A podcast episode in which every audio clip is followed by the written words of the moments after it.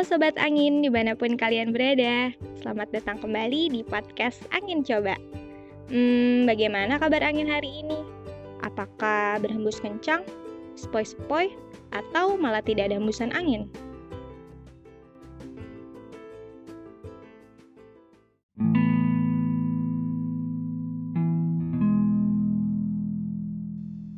Dulu ketika saya kecil, cita-cita saya sama seperti kebanyakan orang. Saya ingin menjadi dokter. Iya, orang yang bisa mengobati orang-orang yang sakit. Bahkan saya juga sempat terpikir untuk menjadi seorang guru. Iya, tapi saya berpikir bagaimana kalau saya menjadi guru TK saja. Tapi seiring berjalannya waktu, cita-cita itu pun berubah Akhirnya, saya memutuskan untuk masuk ke sebuah SMK di bidang kesehatan. Tiga tahun saya sekolah, bukan hanya capek fisik, tapi juga capek batin karena senioritas yang keras. Bahkan hari pertama pun, saat masa perkenalan atau yang biasa orang sebut MOS, saat saya pulang, saya hampir menyerah dan saya bilang sama ibu sambil menangis, Ibu, saya nggak mau lanjut sekolah di sana. Saya mau masuk SMA saja. Tapi ibu mengingatkan saya, jumlah uang gedung sekolah yang sudah dibayarkan tidak sedikit. Jikalau masuk SMA pun pendaftarannya sudah terlambat. Akhirnya, dengan kepala dingin, saya memutuskan untuk tetap melanjutkan sekolah dan menjalaninya. Sampai-sampai tidak terasa, sudah tiga tahun saja saya bersekolah. Hingga tiba, kami sudah menyelesaikan ujian nasional dan kompetensi. Setelah ujian pun, waktu kami banyak kosong.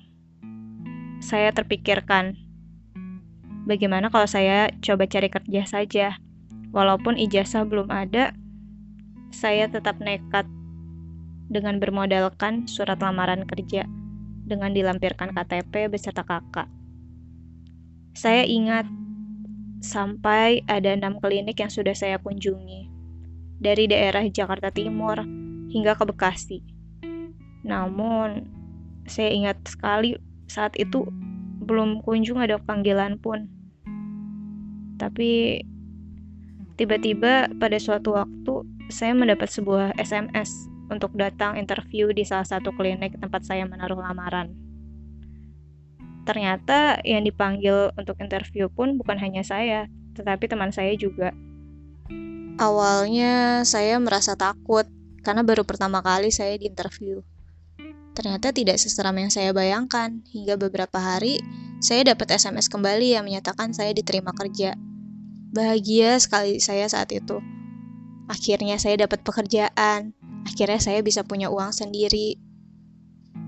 Namun, seiring berjalannya waktu, asam manis garam dari pekerjaan pun saya rasakan.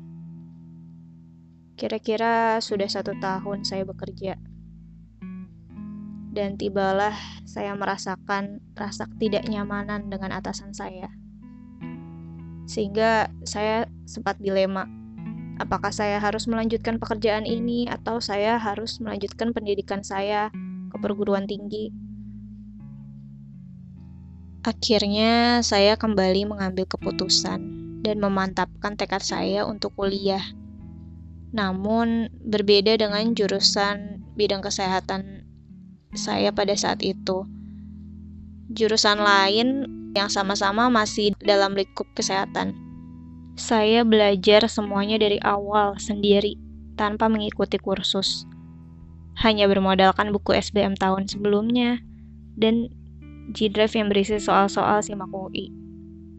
Saya mengikuti tiga seleksi masuk, mulai dari SBMPTN, SIMAK UI, dan uji tulis Poltekkes di Jakarta.